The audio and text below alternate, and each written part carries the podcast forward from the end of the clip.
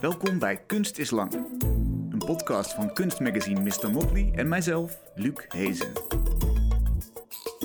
Leuk dat je luistert en voordat we beginnen, misschien wil je ons helpen te groeien in het aantal luisteraars. Laat dan een review achter op het podcastplatform waar je nu zit of raad iemand het programma aan. Zo kunnen wij weer verder groeien en de kunst nog meer verspreiden. Dit seizoen zijn we afwisselend in de studio en in ateliers in Amsterdam. En vandaag zit ik in het atelier bij Dieneke Blom. Op haar tekeningen en schilderijen is het vaak ongrijpbaar wat je precies ziet. Vage contouren van een landschap, gehuld in een fijne mist, in een laag daaroverheen vegen en rudimentaire vormen en her en der een lijn. Het zijn dynamische beelden die vol overgave iets uitdrukken, maar wat dat iets dan precies is, blijft onbepaald. Wel zetten de titels je soms op een spoor en dat spoor leidt dan naar 17e-eeuwse Hollandse schilders. Dag Tineke, fijn dat je me ontvangt. Dank je, leuk dat je er bent. Ja, in een schitterend licht atelier. Ja, ja, 2G-terrein in Amsterdam, vlak bij de Overtoom. ja. Als jij je eigen tekeningen en schilderijen omschrijft aan mensen, hoe doe je dat dan? Eh, ik vind dat altijd moeilijk. Ik zeg, eh, als mensen vragen, god, eh, wat voor werk maak je? Het eerste wat ik zeg is, ik maak tekeningen. En dan, het zijn grote tekeningen. En eigenlijk vrij snel ga ik naar eh, de 17e eeuw. Dat ik zeg, ja, om het wat specifieker te maken, hè, ze zijn eh, allemaal geïnspireerd of gebaseerd op eh, schilderijen uit de 17e eeuw. En daar maak ik een nieuw beeld van. En uiteindelijk in dat beeld, in de tekening, zal je niet direct kunnen zien van naar welke 17e eeuw schilderij of überhaupt de 17e eeuw het eh, verwijst of op grond waarvan het is gemaakt. Maar ik zeg dan ook meteen, ja, voor mij is het belangrijk. Mhm. Maar het is niet gezegd dat je het ziet. Nee. Maar goed, dan heb ik in feite nog niks eh, beschreven. Nee, precies. Misschien moeten we dat dan Ja. gaandeweg doen in stappen. ja. Eh, inderdaad, je noemde al die 17e-eeuwse werken. Van Ja. oorsprong, Voor de oorsprong van het werk was een schilderij van Pieter de Hoog heel belangrijk. ja, Hangt in het Rijksmuseum. Een gezelschap op de plaats achter een huis heet het. 1963, of, eh, 1663, 1665 gemaakt. ja. Wat zien we daarop precies? Ja, eh, je ziet, het hangt nu trouwens niet, tot mijn grote spijt. Het is uitgeleend. Eh, ik was er nog niet zo lang geleden. Maar wat je ziet is een, een heel eenvoudig tafereel van een tuintje. Je ziet het huis ook. eh, het is een tuintje, een achtertuintje. En daarin zitten, ik geloof, twee vrouwen en een eh, man die staat, zo'n beetje half gebogen. Dus die zitten aan een tafeltje in één, de uiterste hoek van het tuintje. En tegen de gevel van eh, het- huis zie je een bediende, een dienstmeid, zie je aan de pomp een emmer water vullen. En je ziet dus links van dat tuintje nog een eh, schutting en daaroverheen iets van de buren. Aan de rechterkant van het huis heb je een doorkijkje, echt typisch Piet- Pieter de Hoog. Dus dan kijk je weer naar de gracht of de straten en dan nog eens een keer verder. Dus je hebt een heel dichtbij, een heel intiem tafereel en je kan heel ver wegkijken. Maar wat mij het, eh, ja, wat ik het belangrijkst vind dat ik zie op dat schilderij, dat is het licht. En dat was ook het eerste wat me trof toen ik dat voor het eerst zag. En ehm, ja, dat is een licht van. Het is ontzettend lief en teder en fijn licht. Ik weet niet of. Ik denk dat het eh, een beetje middaglicht is, maar dat weet ik eigenlijk niet eens precies. Ja, het is een warm licht. Ik denk wel dat het middaglicht is. Nou, dat zie je. Een heel doodgewoon, onbenullig tafereel eigenlijk. Ze Wanneer zag je het voor het eerst? eh, ik heb het al. ik, ik ken het al heel lang. Maar dat ik het voor het eerst bewust zag, is denk ik zo in de jaren negentig. En toen stond ik ervoor en eh, ik werd als een magneet naar dat schilderij getrokken. En het gaf me ook een heel eh, melancholiek gevoel. Het was gevuld met heel veel. Het was daar, dat schilderij door dat licht, is het zo uitnodigend. Het is een schilderij dat wenkt, hè, zo klein als het is. Eh, dus ik voelde me een ja, deelgenoot van alles wat zich afspeelde op dat schilderij. En dat wou ik ook heel graag, hè, want dat was heel aanlokkelijk en heel eh, ja, genereus. Maar ja, tegelijkertijd stond ik volkomen buiten dat tafereel natuurlijk. stond gewoon tussen al die mensen in het Rijksmuseum. En dat verschil, dat uh, leverde een bepaald gevoel op. Een soort een pijn. Zo sterk was die aantrekkingskracht en tegelijk zo sterk was het besef dat ik dus niet in dat tafereel stond. Maar heel ergens anders. Van ruim drie eeuwen later. Ja. Maar, maar toch een herkenbaar gevoel. En een warm gevoel, uitnodigend Een heel warm en heel uitnodigend gevoel. Uh, daarnaast, dat is misschien wel aardig voor het contrast, hangt altijd uh, het schilderij van um, Vermeer. De lezende, de vrouw die een brief leest. Mm -hmm. Ook een prachtig schilderij, maar uh, als je die twee naast elkaar zet, ja, als ik ze naast elkaar zie, dan snap ik wat de aantrekkingskracht van de hoog is.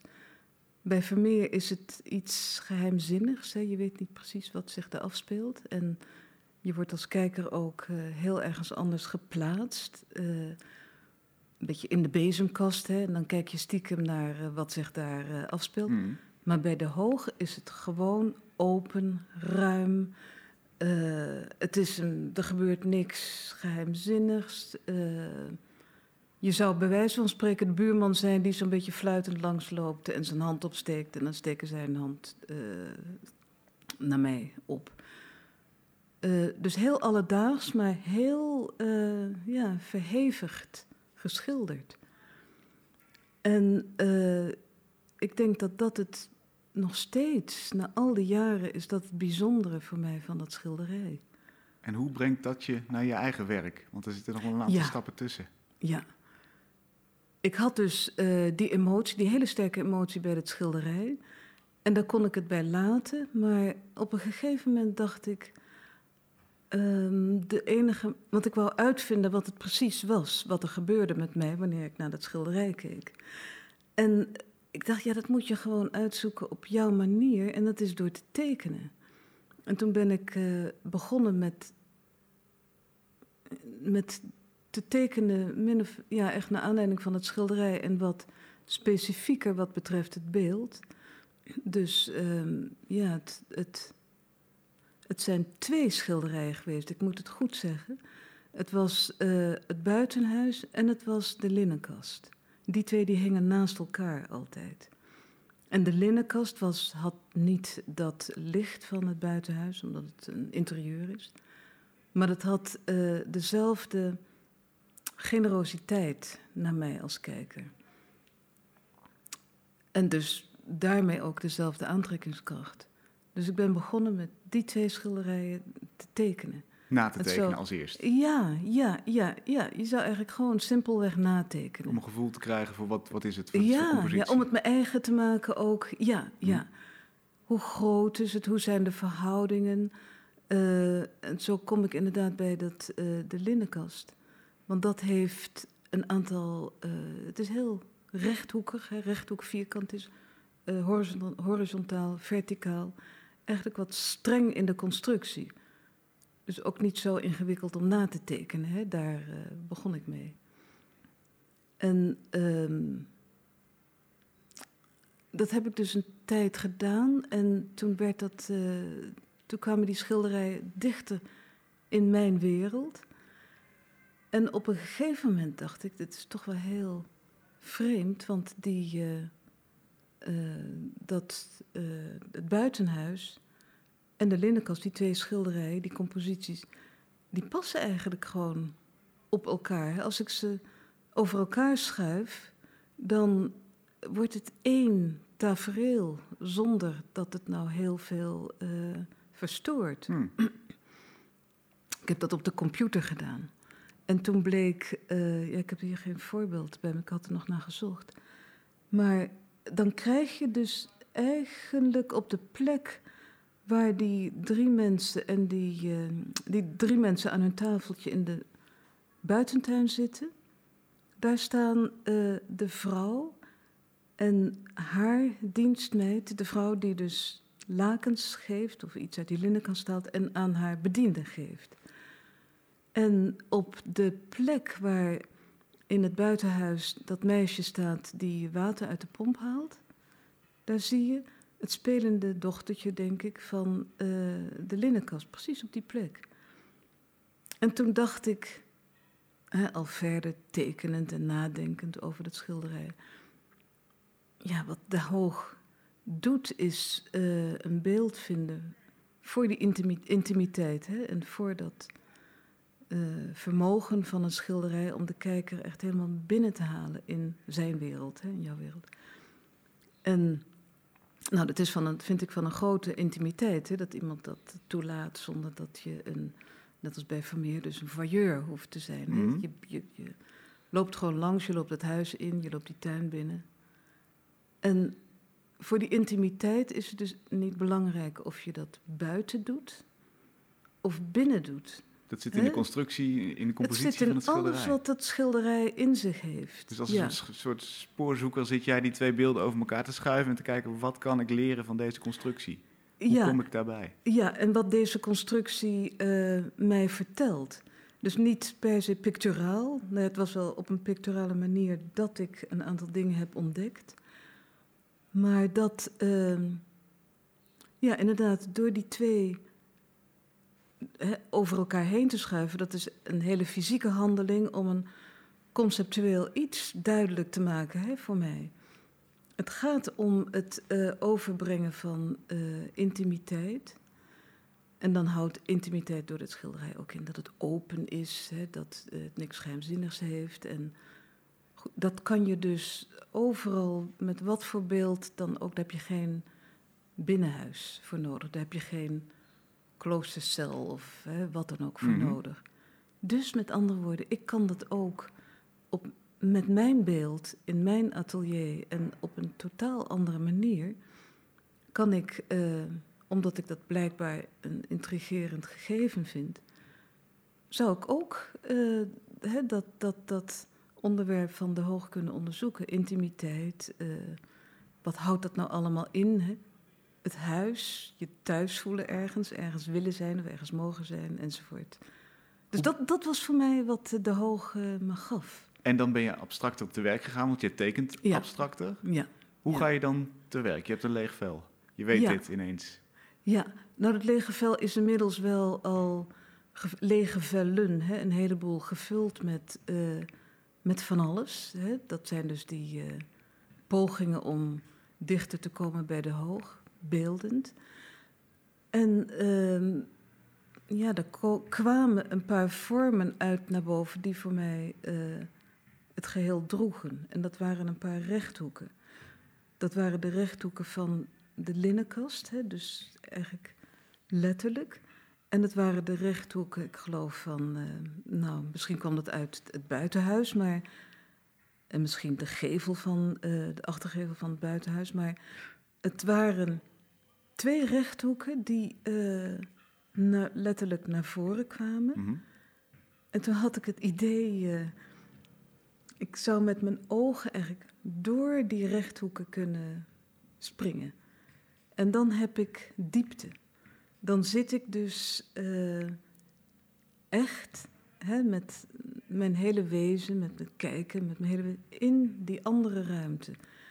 Dan zit ik, nou, een specifiek als ik dan de kijker ben die in het atelier naar, dat, uh, naar die tekening kijkt die aan het ontstaan is, dan zit ik op dat moment in mijn ruimte. En nou, dan kan ik me afvragen, hoe is die ruimte? Wat zit daar, met wat is die gevuld? Uh, met licht, met uh, suggestie, met de mogelijkheid om die ook inderdaad te betreden.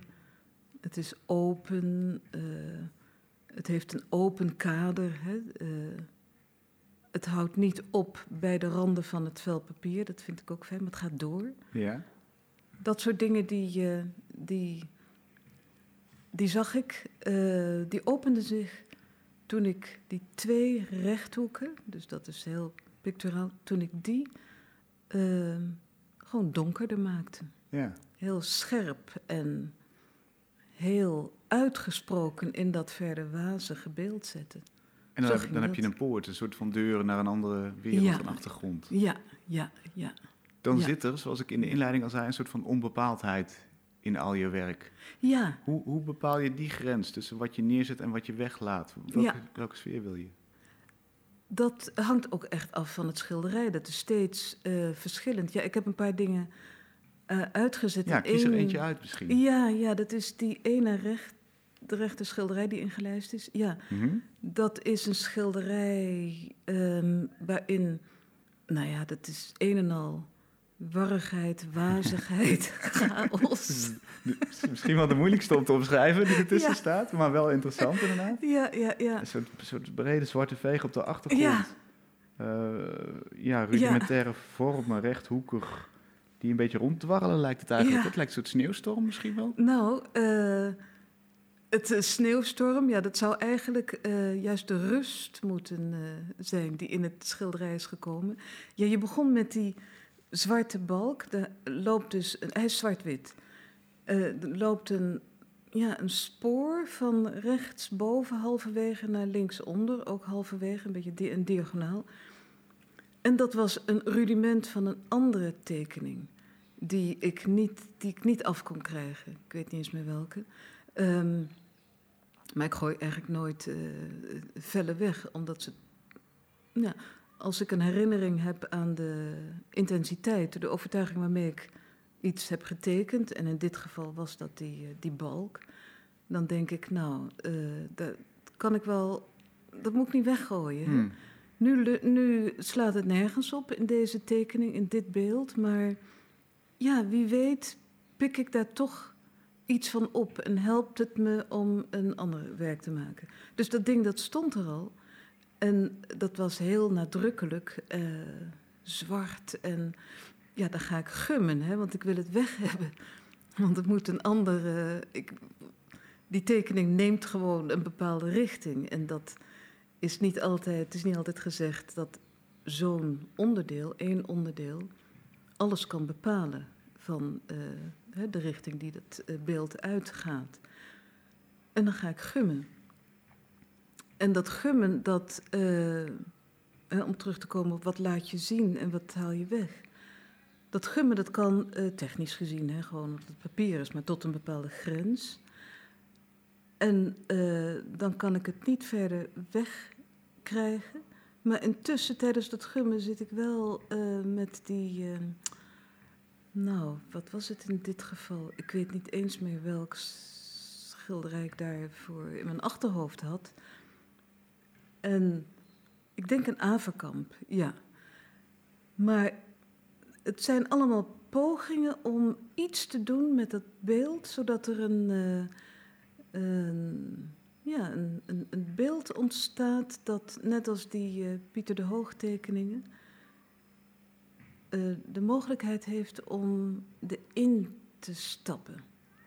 En dan moet er niet alleen een beweging van links naar rechts, boven, onder, hè, die richtingen zijn, maar vooral van voren naar achteren, net als Hmm. met die driehoeken. Hè.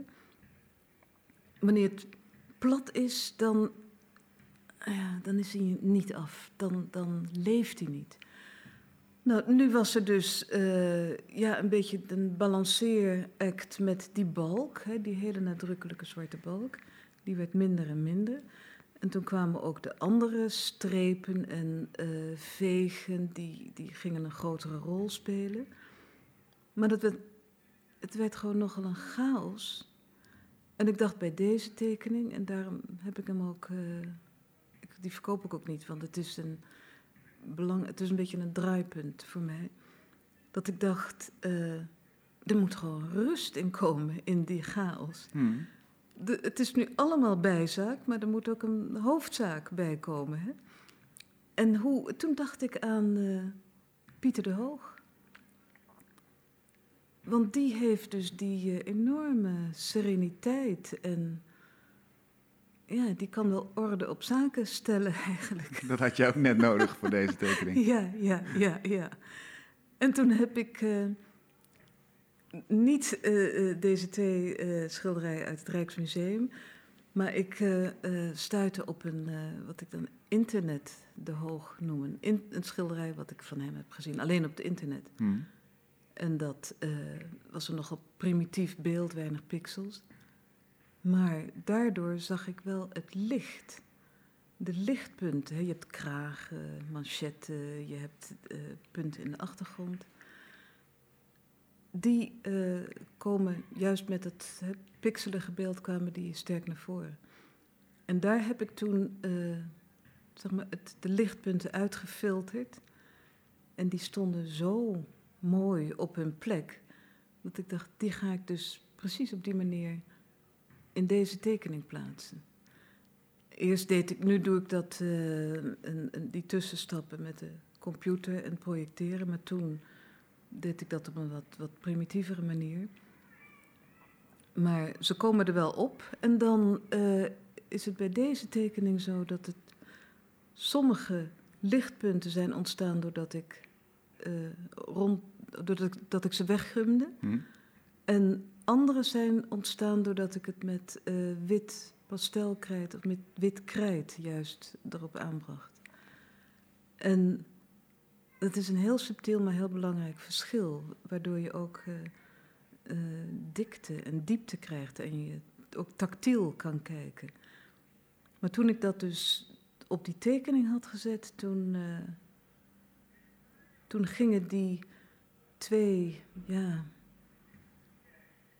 uh, gedachtensporen of twee voornemens of de, twee of drie of tien ontstaansgeschiedenissen hè, in deze, dat is nogal complex, die gingen op een mooie manier op elkaar inwerken. En toen ging het, uh, ging het geheel leven. Hmm. En ik vond het dus een hele. ook wel een overwinning dat ik zo'n ontzettend lelijk lomp ding eigenlijk, hè, die, die, die horizontale balk, dat ik die. Uh, dat ik er omheen heb kunnen tekenen. Ik heb het niet weggehaald. Het is een moeilijkheid. Hè? En ik heb een, het, tekening begon met een moeilijkheid. En daar heb ik me weten uit uh, te wurmen. Ja. En dat vind ik ook fijn als het, uh, ja, als het niet gladjes verloopt. Als er een worsteling is. Ja, ja, toch wel. ja. Dan leen je eigenlijk schilderkunstige trucs, zou je kunnen zeggen, mm -hmm, of, of mm -hmm. uh, eigenschappen, kenmerken van, van die Hollandse schilders uit de 17e eeuw. Mm -hmm. Tegelijkertijd, zoals je al zei, je ziet niet dat dat eraan ten grondslag ligt. Dat moet je weten en dan kun je misschien gaan zoeken. Ja. wat maakt dat je niet bijvoorbeeld à la de Hoog wel een, een heel ingevuld schilderij of een ingevulde tekening hebt, maar dat er een soort van onbepaaldheid in zit. Waarom is die zo kenmerkend voor jouw werk? Uh, sorry, wat bedoel je precies? Dat, je, dat ik niet met een ingevulde tekening. Nee, dat, uh, dat, ja? dat we niet precies zien wat het is. Oh, dat, ja, dat, ja. dat, het oog dwaalt. Dat je, bij, bij de hoog zie je, oké, okay, dit is een tafereel, klaar. Ja. Nou ja, niet dus, hè, eigenlijk. Nou, je herkent wat het is en dan kun je door ja. naar verdere betekenissen. Maar je ziet wel in eerste instantie wat het is. Ja, je ziet een herkenbaar tafereel. Maar uh, het gekke is dat ik, of niet het gekke, dat... Ik heb het niet bij ieder schil, uh, schilderij, 17e, 17e eeuw schilderij, hè, dat ik denk van, god, daar moet ik iets mee. Maar het, is een, uh, het zijn die schilderijen, en het zijn er tot nu toe een paar, waarvan ik denk oké, okay, ik zie hier een heel duidelijk, concreet tafereel. Mm. Maar eigenlijk zie ik iets heel anders. En nou ja, zoals ik zei hè, bij de hoog die uh, intimiteit, dat. Maar bij een ander schilderij, uh, zoals een schilderij van Metsu, waar ik ook een heel, hele serie tekeningen op heb gemaakt, over heb gemaakt, ja, daar zou je ook kunnen zeggen dat is een heel concreet beeld. Dit was van een. Uh, een smidse. Een man die komt met een paard de werkplaats van een smid binnen. En uh, nou dat zou ik kunnen zeggen, goed, dat zie ik. Maar toen ik dat schilderij zag, ik, ik ga daar maar even op door, hè, omdat dat uh, misschien beantwoordt je vraag. Uh, dat schilderij zag ik in een overzichtstentoonstelling van Metsu, ook weer in het Rijks, de hele tijd terug nou ja, het is een virtuoze schilder, hè, prachtig. En toen zag ik ineens een schilderij waarvan ik dacht, wat, wat, wat een raar mislukt ding. Als je zo goed kan schilderen, waarom doe je het hier zo modderig en zo geef je ons zo weinig houvast uh, wat betreft het concrete beeld. En toen heb ik daar heel lang voor gestaan voor dat schilderij, want ik vond het echt heel fascinerend. En toen ik daarvoor stond, uh, duurde het vrij lang voordat ik echt kon zien wat zich daar afspeelde. Het was heel donker, zo'n zo'n beetje bruinig, uh, groot bruin modderig vlak. En uh, een paar lichtpuntjes weer, hè, die lichtpuntjes die eigenlijk altijd uh, via het licht komt, de ware toedracht aan het licht, letterlijk. Hmm. En uh, dus dat gezicht, uh, dat schilderij, dat ja, ontvouwde zich heel geleidelijk door te kijken, echt door te kijken. Net zoals je in een tentoonstelling hè, met een video-installatie, je doet het zwarte gordijn weg en dan betreed je een donkere ruimte en dan ben je ieder gevoel van oriëntatie kwijt. En dat was wat ik. Uh, ja, dat, dat was het gevoel wat ik kreeg bij dit schilderij van Metsu. En dat is dus niet iets wat is voorbehouden aan de 21ste eeuw of aan de 17e eeuw. Hè. Dat is een heel existentieel gevoel. Dat je ergens bent en ja, waar ben ik eigenlijk? Hè? En wat voor. Uh, hoe kan ik hier vaste grond onder de voeten krijgen. Hoe zit dat? Dus naarmate ik langer over het schilderij nadacht, dacht ik van ja, er kan wel een, uh, een man met een paard uh, smid binnenlopen, maar misschien is dat uh, de reden dat hij dat voor hem de, de, in opdracht van die man heeft geschilderd. Dus, maar als kunstenaar heeft hij het over dit, Hmm. dit existentiële gegeven. En hoe geef ik daar een beeld voor? En nu doen we dat anders. Nu is het ook hè, gethematiseerd en uh, hebben we de abstracte kunst gehad. Maar het mooie van die 17e eeuw vind ik dat ik, uh, dat, ik dat tot me krijg op een hele andere, via een hele andere weg. Via een hele concrete, geaarde, hè, gegronde weg. Ja. Jij kiest een andere weg. Jouw werk Mhm. is, is minder duidelijk. Ja. Waarom? Ja, ja. Omdat ik begin bij het punt, uh, bij een soort nulpunt. Uh, ik heb dan dat, dat schilderij geanalyseerd en dat doe ik nu op een iets andere manier dan hè, een hele tijd geleden, zoals bij dat, uh, dat, dat moeilijke schil die tekening die ik zo net beschreef. Um, nu doe ik dat um, op een wat studieuzere manier. En daar gebruik ik ook de computer voor. En um, ja, dat nulpunt, hè, van waar begin ik? Je zei, je bewandelt een ander pad.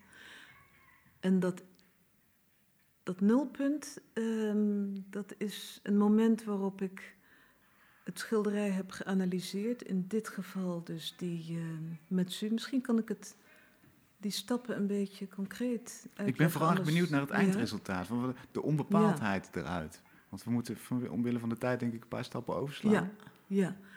Wanneer is het goed?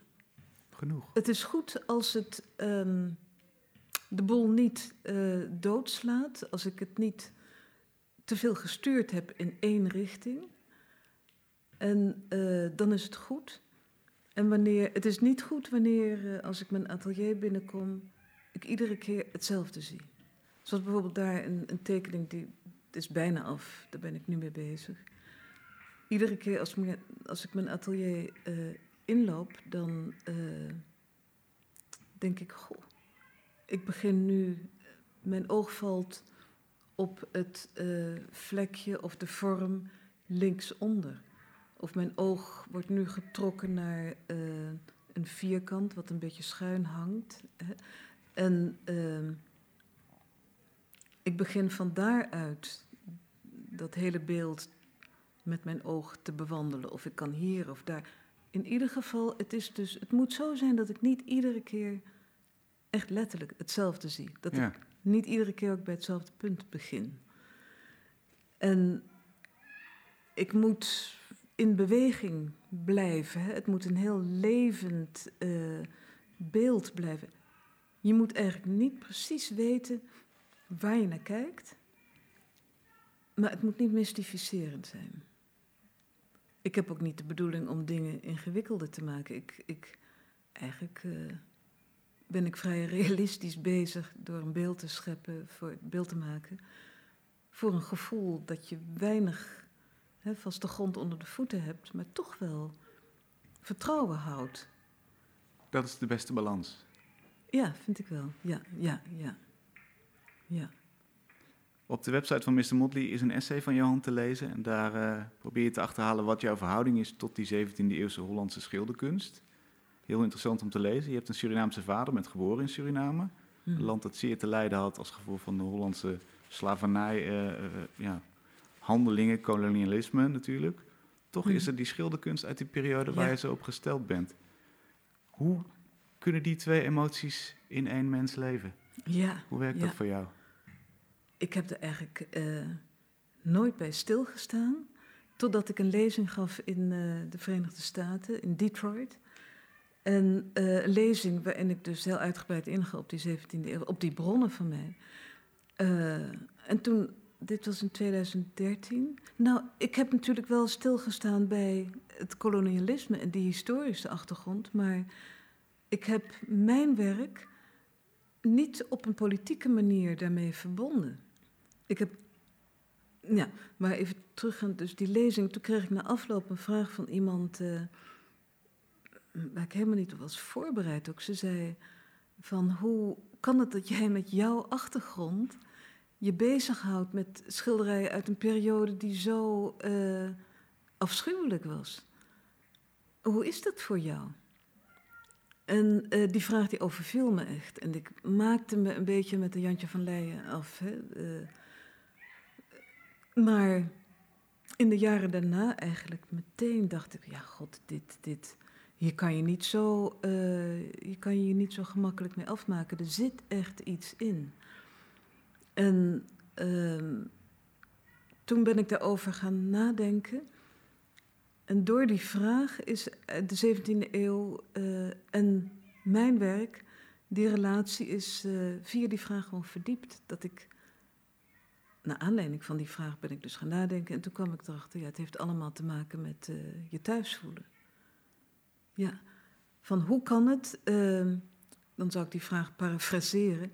Hoe kan het dat ik me thuis voel bij die 17e eeuw, terwijl ik die achtergrond heb van eigenlijk nergens bij horen. Ik ben niet Surinaams, ik ben niet Nederlands. Ik ben, uh, ook als ik me Surinaams zou voelen en ik ben daar, ja, niemand uh, ja, denkt meteen aan een Surinaams als ik daar ben. Hmm. Uiterlijk zullen ze het misschien wel kunnen zien, maar ik loop anders, ik praat anders. Uh, dus dat kan ik ook wel opgeven, hè, van om. ja, om undercover te gaan, zeg maar, dat lukt niet meer. dat lukt me toch niet. Hmm. Hoe hard ik ook probeer om Sranang te, te leren en te spreken.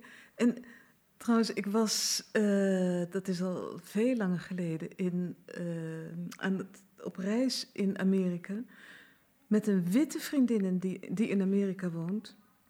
Vanuit New York zouden we dus een reis naar het diepe zuiden maken, want dat vind ik heel mooi... Ja, dat trekt me altijd, ook die literatuur. En we waren gewaarschuwd hè, van God, je moet, uh, je moet uitkijken, want jullie maken iedereen daar gewoon razend als je daar met z'n tweeën, hè, heel fel blond en zwart. Want in Amerika word ik direct gezien als een zwarte vrouw. En uh, dus wij waren echt voorbereid, maar geen, enkele, geen enkel ongemak, geen enkele vraag. En ik vond dat eigenlijk zo raar dat ik op een gegeven moment aan iemand gewoon vroeg van ja, hoe zien jullie uh, ons eigenlijk? En hoe zien jullie mij? En toen uh, haalde iemand zijn schouders op die zei, European. Dus toen dacht ik, uh, ik geef het gewoon op. Hè? Ik ben een heel hybride, ik heb een hybride achtergrond. En ik ben een hybride iemand. En dat is dus mijn identiteit. Maar wat ik ermee doe, eh, bijvoorbeeld door dieper naar dat zuiden van de Verenigde Staten te reizen en mijzelf steeds meer thuis te voelen, dat blijft natuurlijk. Want hoe verder ik dus van New York verwijderd was, en New York heeft meer uh, overeenkomsten met mijn leven hier in Amsterdam. En het diepe zuiden van de Verenigde Staten heeft steeds heeft heel weinig overeenkomsten met mijn leven hier in Amsterdam. Maar ik voelde me wel steeds meer op mijn gemak en steeds meer thuis. Omdat ik een, een niet een herinnering, een gevoel kreeg uh, van Suriname. En het is een heel diep en ja, authentiek gevoel van daar hoor ik thuis en daar, dat vind ik heerlijk. Uh, dat, dat omarmt me. He, die, die, die, de church ladies, he, vrouwen die mij deden denken aan mijn tante en mijn oma. Maar goed, dus hoe, hoe meer ik mij op mijn gemak voelde, hoe minder ik daar voor anderen, de echte bewoners, daar thuis hoorde. Mm. Dus dat was een heel gek, uh, heel gek contrast. Is dat vergelijkbaar met het contrast wat je ervaarde toen je voor de hoog stond? De, de, het, het, de oh, verwelkoming ja, versus uh, 3,5 ja. eeuw later daar staan en de Ja, pijn voelen van er niet zijn. Ja, daar heb ik nooit zo over nagedacht. Maar volgens mij heb je gelijk dat dat eh, dezelfde wisselwerking is. Hè? Ik wil daar zijn, maar natuurlijk kan ik daar niet zijn. Eh, en ik wil in opgenomen worden hè, in dat, dat wat, ja, misschien is het een regressief gevoel, dat weet ik niet, maar positief gewoon dat warme gevoel. Waarom? Nee, niks regressiefs aan. Gewoon dat mooie, fijne, warme gevoel. Maar dat is ook een illusie. Dat kan niet. En dan is de enige eh, weg, niet uitweg, maar weg, is eh, een domein te maken waarin ik eh, me thuis voel. Dat, en dat ehm, werd me duidelijk echt door na te denken over die vraag die me werd gesteld in Detroit. Hè? Hmm. Wat, wat, wat, doe je met die 17e eeuw? Nou, dit doe ik ermee. Hè? Ik maak een. eh, of ik heb een domein gemaakt, want dat was hè, terugkijkend. eh, ontdekte ik dat. Ik heb een domein gemaakt waarin ik me thuis voel. Dus een soort, soort eh, uit tekeningen gebouwde wereld, een tussen, tussendomein. Waarin, ja, Hmm. wat, wat jouw plek is. Voor jou geen tussendomein, maar Ja. tussen alle verschillende Ja. inspiratiebronnen. Ja, en waarin al die contrasten eh, samen kunnen komen. En een beeld opleven, opleveren dat niet eenduidig is. Misschien is dat dan ook een overeenkomst. eh, en eh, ja, misschien is dat iets hè, waardoor het al meer suggestie is dan eh, bevestiging. Eh, dat zou best daarmee te maken kunnen hebben. Ja, dat zou heel, heel goed kunnen. Maar het is dat domein. En eh, ja, dat is iets wat ik achteraf me realiseerde. Ja. Dus eigenlijk heb je je eigen wereld vormgegeven. Jouw, Ja. jouw gevoelsleven, jouw identiteit ligt in deze tekeningen en, en aquarellen. Ja. Hoe, wat is dan schilderen voor jou voor daad? Hoe zou je dat formuleren? Het schilderen als Ja. schilder? Ja, of tekenen. Oh, het tekenen, ja. Ehm, iets. eh, me.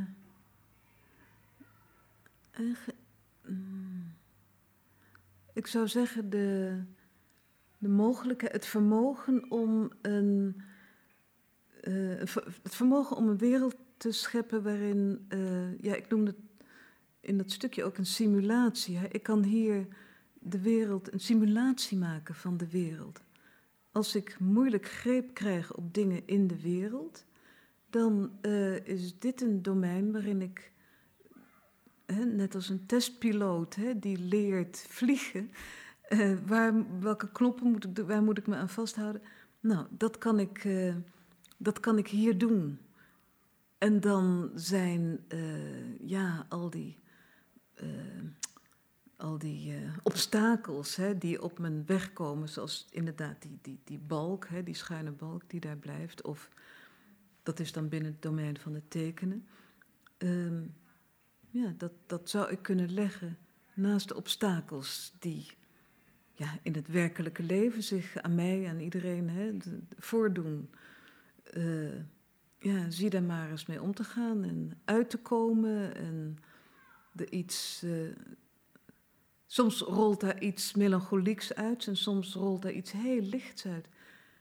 Ik kijk nou naar een uh, tekening. Die is gebaseerd op Averkamp, die ik heel melancholiek vind. Ja. En rechts, deze vind ik heel licht. En ook degene die ernaast hangt, die zijn weer heel vrolijk en licht. En dan heb je het hier picturaal opgelost. Mhm, mhm. Hoe helpt het dan in de buitenwereld als je naar buiten stapt? Ehm, ja, soms helpt het, soms helpt het niet. Maar in ieder geval is het uh, zo dat het bagage is die ik meeneem. Hè? goede bagage. Je gaat ook niet helemaal zonder met alleen maar één zakdoek op stap naar uh, Trinidad hè, of naar uh, uh, China. Dus als je koffer een beetje gevuld is met, met wat essentiële dingen, dan ben je toch een beetje beter beslagen, kom ik beter beslagen ten, eind, ten ijs.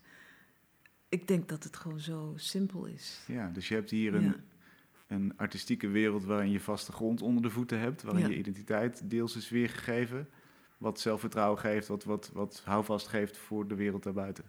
Ja, en vragen uh, ook oproept. Hè? Het, het maakt me nieuwsgierig. Uh, een tekening die nog niet af is, maakt mij nieuwsgierig. Mm Zoals die, hè? van wanneer zie ik inderdaad uh, dat het um, ontregeld is, maar dat het toch een balans is die nieuwsgierigheid kan ik ook uh, in de buitenwereld hebben. Het is niet allemaal kommer en kwel. Hè. Het is ook gewoon. Uh, dit is ook een simulatie hè, van. Ja, waar ik energie of inderdaad die nieuwsgierigheid of daadkracht of alles eigenlijk hè, op los kan laten. Ja. En dat vind je ook in de, in de echte wereld. Ja, de worsteling in een tekening en het, het, besef dat er verschillende paden zijn om zoiets op te lossen, is mhm. natuurlijk het bruikbare idee voor wat er, wat er zich buiten afspeelt. Ja, ja. Dan kun je dingen ook op verschillende manieren en creatieve manieren oplossen. Ja, ja. In welke richting gaat je werk zich ontwikkelen, vermoed je? Um, nou, ik kijk nou tegen een tekening aan. Het is een, uh, de laatste tekening. En die is weer. Nou, ik heb nu een. Die is ook weer gebaseerd niet op een Hollandse schilderij, de Hollandse 17e eeuw, maar een heel gek schilderij van een Franse schilder uit begin 18e eeuw. Um, dus ik denk dat de. Maar dat weet ik niet. De, um, de bronnen waar ik me op baseer, dat die, misschien worden ze eclectischer. En wat ik nu heb, ik heb een heel ja, een archief, een heel reservoir aan uh, beelden die analyses zijn van die uh, eh, 17e eeuwers. Hè. Ik noem het schema's, dank er daar eentje tegen de pilaar. Dat, uh, dat zijn aan, picturale hè, analyses Mhm. van zo'n schilderij. En dan heb ik een vormen, ik heb een vormentaal of een archief van vormen waar ik mee kan uh, spelen. Dus van één schilderij naar een serie tekeningen is nu veel, ja, wat eclectischer geworden. Ik pik nu uh, uit een grote zak en hè, dat, die zit in mijn hoofd en daar denk ik, oh ja. Maar ik kijk nu ook weer naar uh, die muur daarachter. Dat thema van huis en thuis is in de laatste serie ook vermengd met een uh, heel specifieke uh, ruimte. En dat is van nu. Uh, en die plaats ik ook in het domein van die 17e eeuwers en van die vroeg 18e eeuwers. Daar zie je een, ja, een schema. Het is een huis dat ik probeer te vangen. Hè. Ik probeer dat, ik ben helemaal geen goede perspectiefs goede tekenaar. Dus ik wou die ruimte, die bestaande ruimte, wou ik tekenen. Het lukte me niet, lukte, lukte niet. En toen uh, dacht ik, nou ja, al deze pogingen leveren wel een groot vel op. van, nou ja, eigenlijk net als die horizontale balk, hè, dat is een, uh, het heeft een bepaalde intensiteit, maar het heeft beeldend nog geen uh, presence. Hè? Ja. Dus, en dat, uh, die pogingen, die hebben een aantal vormen opgeleverd. En die vormen, misschien wordt het heel, heel ingewikkeld, hebben voor mij weer direct te maken met die bestaande ruimte. Mm -hmm. En die zet ik nu ook in om uh, tekeningen te maken. En die tekening, die dus volgens mij nu wel af is, die heeft voor mij het, uh, het lichte en het speelse. Ja, wat ik heel verrassend, waar ik heel blij mee ben. Dat ik dat in een uh, tekening heb. Het is heel open, licht. ja, misschien gaat het die richting op. Ja. Ja. Het blijft in ieder geval zitten in de vormgeving van het huis, de, de, de intimiteit. Van, van ja, je thuis voelen. Ja, ja, dat is zo groot gegeven. Hè, dat, dat kan dus heel veel vormen krijgen. Mooi, succes. Dank je wel. En bedankt voor het gesprek. Ja, dank je. Vond je dit een mooie uitzending? Laat dan een recensie achter op het podcastplatform waar je ons hoort. Of raad misschien Kunst is Lang eens aan aan iemand anders. Daar zijn we zeer blij mee. En we zijn ook blij met het Amsterdams Fonds voor de Kunst en het Jaap Hartenfonds voor hun bijdrage. We zijn er volgende week weer. Tot dan.